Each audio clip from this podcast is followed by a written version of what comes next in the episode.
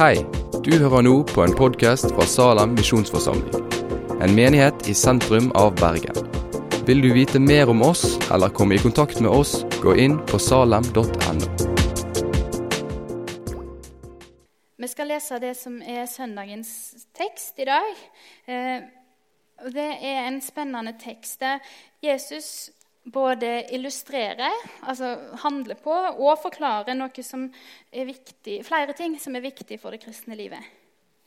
Ehm, og det vi kommer til å merke når vi leser denne historien, er at vi kanskje automatisk er veldig enige med Jesus eh, i det han sier og gjør. Eh, men kanskje, når vi tenker oss om, eh, så er vi ikke helt ulike de som blir satt på plass heller. Eh, men det skal jeg komme tilbake til. Vi leser fra Lukas 13, vers 10-17. En sabbat underviste han i en av synagogene. Der var det en kvinne som hadde vært plaget av en sykdomsånd i 18 år. Hun var helt krumbøyd og kunne ikke rette seg opp. Da Jesus fikk se henne, kalte han henne til seg og sa, 'Kvinne, du er løst fra sykdommen din.' Han la hendene på henne, og straks rettet hun seg opp og lovpriste Gud. Men synagogeforstanderen ble forarget fordi Jesus helbredet på sabbaten, og han sa til forsamlingen.: Det er seks dager til å arbeide på. Da kan dere komme og la dere helbrede, men ikke på sabbaten. Hyklere, svarte Herren. Løser ikke hver eneste en av dere oksen eller eselet fra båsen også på sabbaten og leier dem ut så de får drikke? Men her er en Abrahams datter som Satan har holdt bundet i hele 18 år. Skulle ikke hun bli løst fra denne lenken på en sabbat? Da han sa dette, måtte de skamme seg, alle motstanderne hans. Men alle som var samlet, gledet seg over alt det underfulle han gjorde. Amen.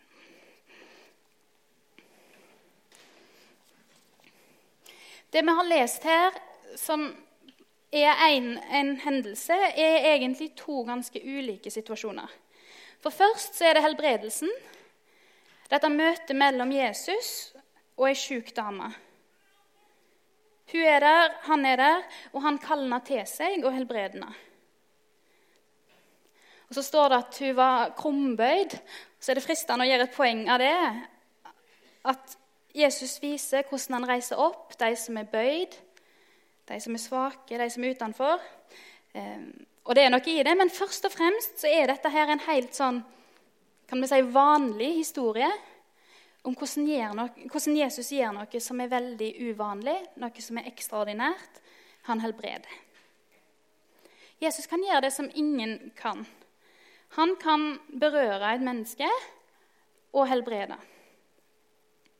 Og Ikke minst så berører Jesus ei som er sjuk, altså urein ei som er kvinne, altså ei som han ifølge samfunnet han levde i, burde holdt seg langt unna, og ei som hadde en sykdomsånd, noe som var skummelt, og som en burde holde seg på avstand fra.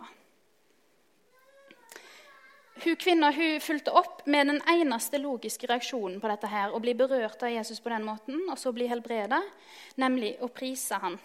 Prise han som kommer med håp, han som er sterk, og han som viste at han var Gud gjennom det han gjorde med hun.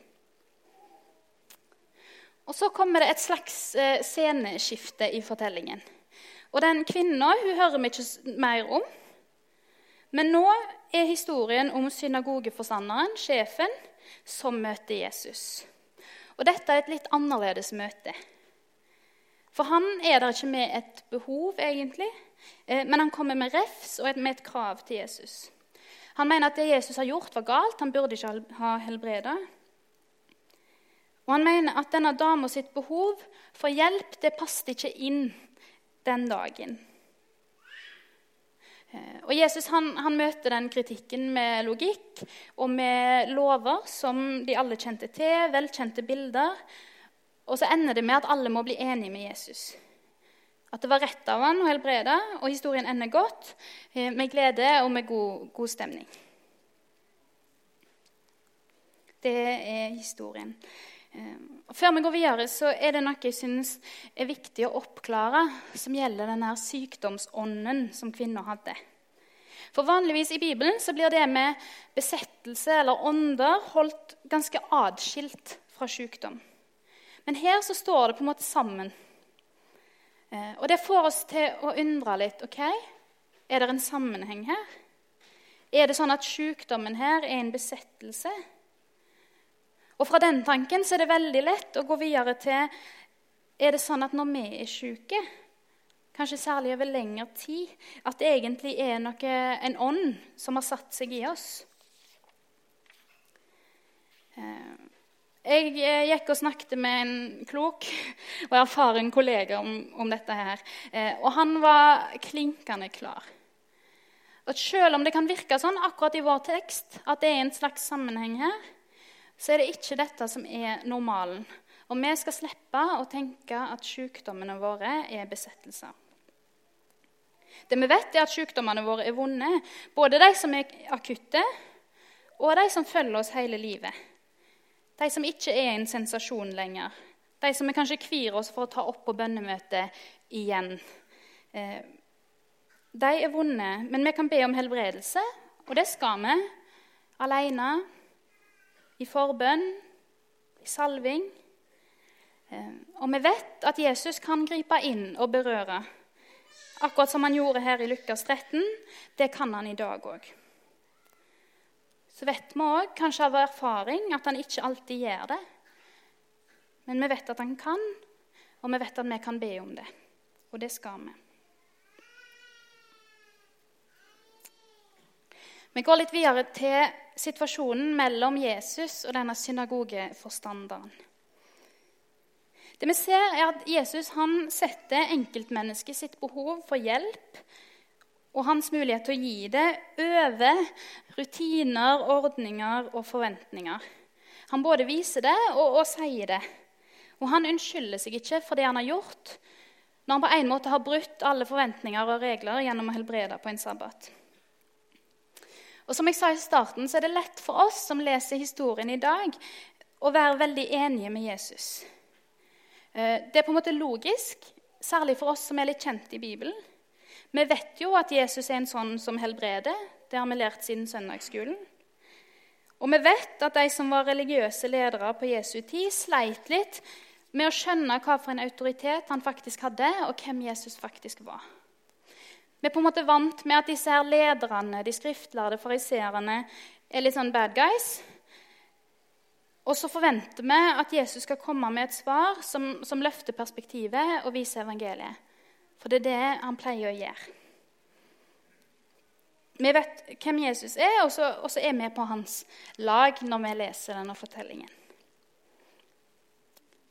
Men når jeg kanskje er ærlig med meg sjøl og, og, tenker litt etter, så kan det være jeg må innrømme at jeg i praksis ligner mer på de som kritiserer Jesus. Vi kan lese vers 14 igjen. Men synagogeforstanderen ble forarget fordi Jesus helbredet på sabbaten, og han sa til forsamlingen.: Det er seks dager til å arbeide på. Da kan dere komme og la dere helbrede, men ikke på sabbaten. Det han sier, er jo at vi vet hvordan vi pleier å gjøre dette her. Vi har systemer, vi vet hva som er rett. Og det er du, Jesus, nødt til å forholde deg til. Vi vet hva for en ansatt eller hva for en tjenestegruppe det er som skal ta seg av disse, sånne som hun her. Eh, men de er ikke her akkurat nå, så da passer det egentlig ikke inn at du griper inn med håp og hjelp. Og den holdningen må jeg innrømme at jeg kjenner igjen i meg sjøl. Jeg er kanskje ikke så skeptisk til urenheter og, og helbredelser på helligdagen. For det er noe som var mye viktigere for jødene på Jesu tid enn, enn det for oss i dag. Men det er kanskje andre ting i måten vi gjør ting på, som jeg setter like høyt. Rutinene våre, idealene våre tankene våre om hvem som passer inn hvor, og hvem som skal gjøre hva. Ting som i bånd bygger på Guds bud og gode ting som vi skal holde fast på, men så har de kanskje vokst til å bli noe mer.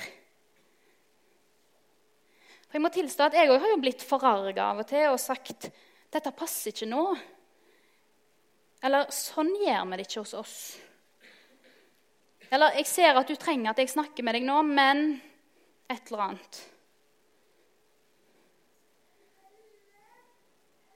Eller at jeg har kviskra til den jeg sitter med, at åh, kunne ikke noen ha fortalt hun at, at sånn kler en seg ikke, eller ter en seg ikke når en er her inne hos oss? Jeg sier ikke at vi skal droppe alle vaner. Systemene våre, relasjonene våre, det trygge og, og stabile, det er nyttig, og det er godt for mye. Og det er deilig når ting går som planlagt, som forventa, når folk er forutsigbare og klaffer med oss, og det er veldig mye styrke og mye velsignelse i det. Men samtidig så er det noe i det Jesus sier i teksten vår her, som, som pirker i meg. Kanskje særlig den fromme, småpietistiske meg, eh, som, som, ser ut til å ha kristenseven i orden, og som har gjort det meste i både utdannelse og ekteskap og andre ting akkurat som forventa og i rett rekkefølge. Men går det av og til for langt? Er det ganger der systemene og forventningene og tradisjonene blir så viktige at jeg mister menneskene av syne? Kanskje at jeg mister Jesus av syne til og med? Er jeg åpen for det som er uventa? Det som i første omgang føles upassende eller uønska? Signaliserer jeg gjennom vennskapene mine at folk ikke er nødt til å ligne på meg i klesstil, humor, utdanning for at jeg skal synes at de betyr noe? Og hva med de som trenger hjelp for å komme seg opp av ei grøft, av sykdom, brutte familier, nederlag i jobben, på fritida? Putter jeg de liksom i en boks og i en kvote? Eller lever jeg et liv der sånne ting har en naturlig plass, og der de ikke er nødt til å trenge seg på for at jeg skal ta hensyn til dem? Teksten her får meg til å lure på det, og kanskje deg òg. Og kanskje vi òg innser at vi er jo ofte de som er syke òg. Vi er ikke alltid i hjelperposisjonen. Vi er ofte de som trenger hjelp til å bli plukka opp, sett, hørt, gjort tid for. Ting kan skje, ting kan endre seg. Livet er livet. Alle har issues. Eh, og det trenger vi å huske at Jesus har rom for. Og vi trenger å vite at det har menigheten vår rom for. Og At vi ikke trenger å begrense svakhetene våre til et tilpassa møtepunkt en gang i halvåret. At vi kan ha en dårlig dag og komme, vi kan være syke og fortsatt bli regna med. Det trenger vi alle sammen. Vi går videre. I teksten vår i dag så er det sabbaten som er tema. Eh, helligdagen. Eh, og jeg har lyst til å si litt om den òg. For det å ha en helligdag, det er en av disse ordningene som er gitt oss til glede og til velsignelse, men som òg kan bli misbrukt hvis vi drar det for langt og stiller for mange krav. Eh, og Jesus han har mange samtaler med folk om helligdagen. Eh, og bare i Lukasevangeliet så er han i situasjoner som den vi har lest om nå, tre ganger. Sabbaten er ofte oppe fordi denne sto og står veldig sterkt blant jødene. Og det om du holdt sabbaten rett eller ikke, var et av de store kjennetegnene på hvor vellykka du var. Og så var det en ting som mange hadde lyst til å ta Jesus på. For de skjønte at han tenkte litt annerledes enn deg om den. Uansett, Jesus han sier i en annen sammenheng som ligner mye på vår tekst, i Markus 2, at sabbaten ble til for mennesket, ikke mennesket for sabbaten. Og videre at derfor er menneskesønnen også herre over sabbaten. Og Her peker han på noe viktig som gjelder rekkefølge, og noe som de han snakker til, fort blander, og som vi ofte blander sammen. At sabbaten ble til for menneskene sin skyld. Dette er en ordning som er gitt oss fordi hun er god. Det er ikke en ordning som er til bare sånn for det, og som vi på en måte bare er skapt for å følge. Nei, ordninga skal følges så lenge det er tjenlig, men det skal ikke holdes på for enhver pris. Men i forlengelsen av det så er det viktig å merke seg at Jesus ikke følger opp med så derfor kan dere gjøre som dere vil, og som det faller dere inn. Nei, han sier at han har makt over sabbaten. Og reglene blir definert av Jesus, ikke av regelboka. Men det åpner ikke for at vi kan omformulere alle regler som ikke passer oss. De er der av en grunn, men vi kan vite at det er gode grunner. Og Disse tankene hjelper oss når vi skal forstå det som gjelder synd. Eh, eller det, det, fører bare inn en ny, ny, en tanke der det er litt greit å vite at Gud han har ikke funnet opp dette her med synd eller regler i det hele tatt bare for å være kjip. Han starta ikke med budene, og så skapte han oss som et sånn eksperiment for å, for å se om vi takla det. Nei, han skapte oss, og så kom syndefallet. Og så gir Gud oss retningslinjer for hva som er godt for oss og ikke. Guds bud kommer ut av omsorg, ut av nødvendighet. Men ikke fordi han er rar eller, eh, eller har en kjip humor som, som går utover oss. Budene er ikke vilkårlige eller onde, men de er der for vårt beste.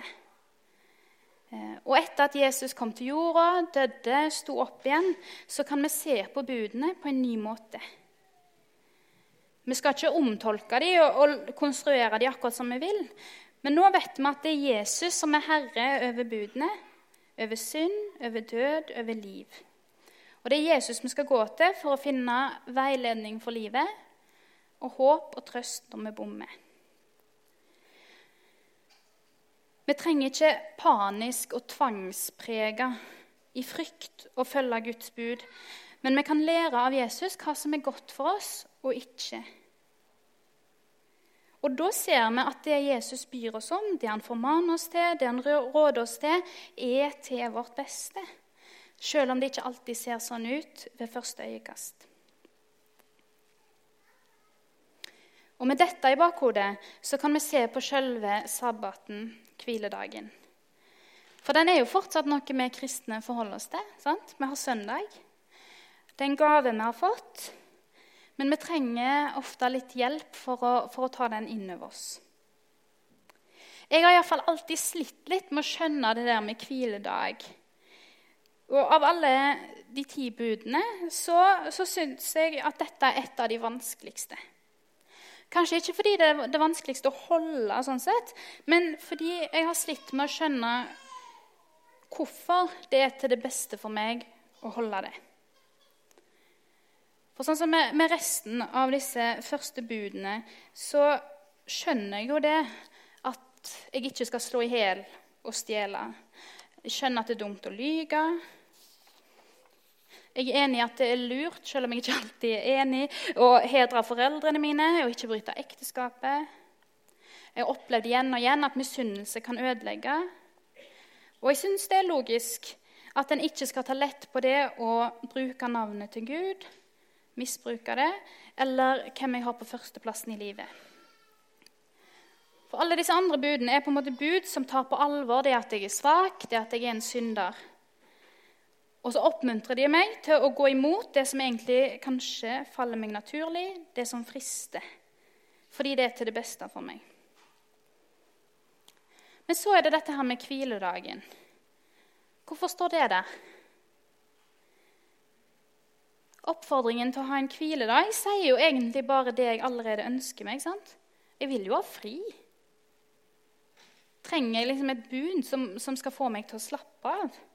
Burde det ikke heller vært et bud som fikk meg til å skjerpe meg og, og gjøre noe fornuftig? Hvorfor er liksom dette viktig nok til å være 10% av de ti bud?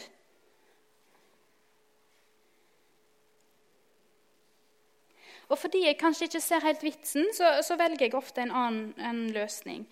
Og For min del så har søndagen kanskje blitt litt sånn oppsamlingsdagen.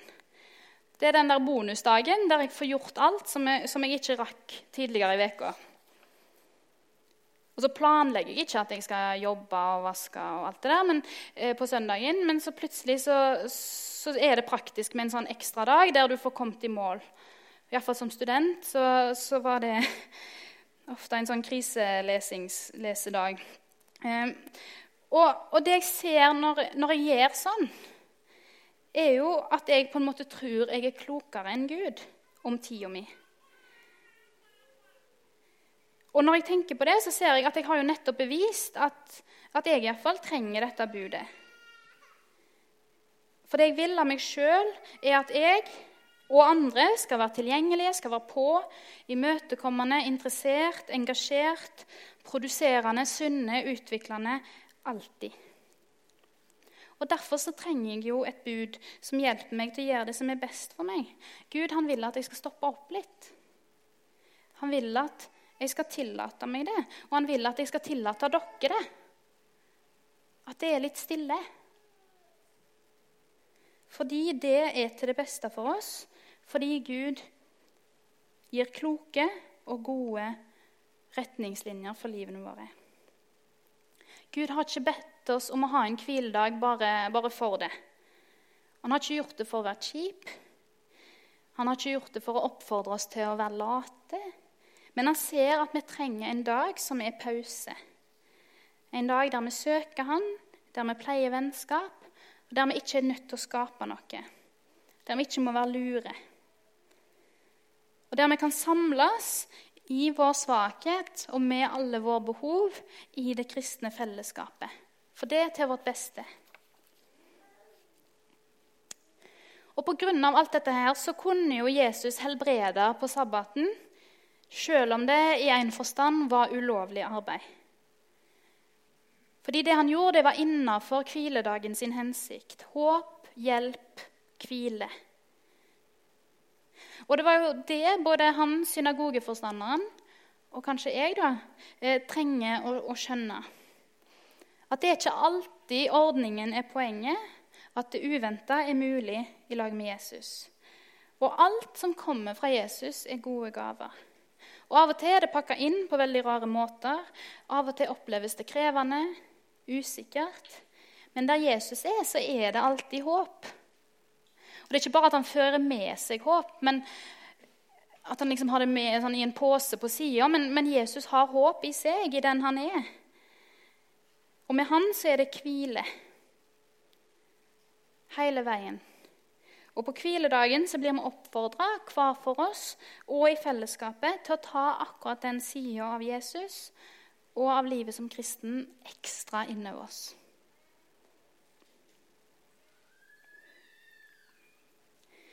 Jesus, eh, takk for måten du møtte både denne kvinna og synagogeforstanderen eh, den dagen for lenge siden, som vi har fått lese om.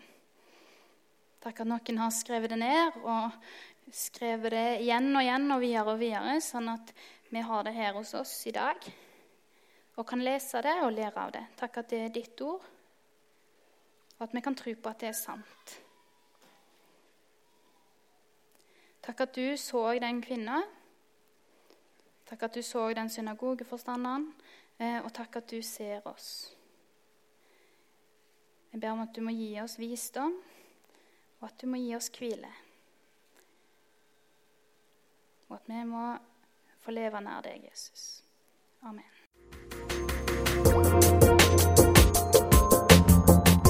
Takk for at du har hørt på podkasten fra Salem, Bergen. I Salem vil vi vokse i et stadig dypere fellesskap med Gud og med hverandre. Vi vil være Jesu hender og føtter, og vi vil være med å forkynne frelse for Bergen og resten av verden. Besøk oss gjerne på salem.no om du vil vite mer.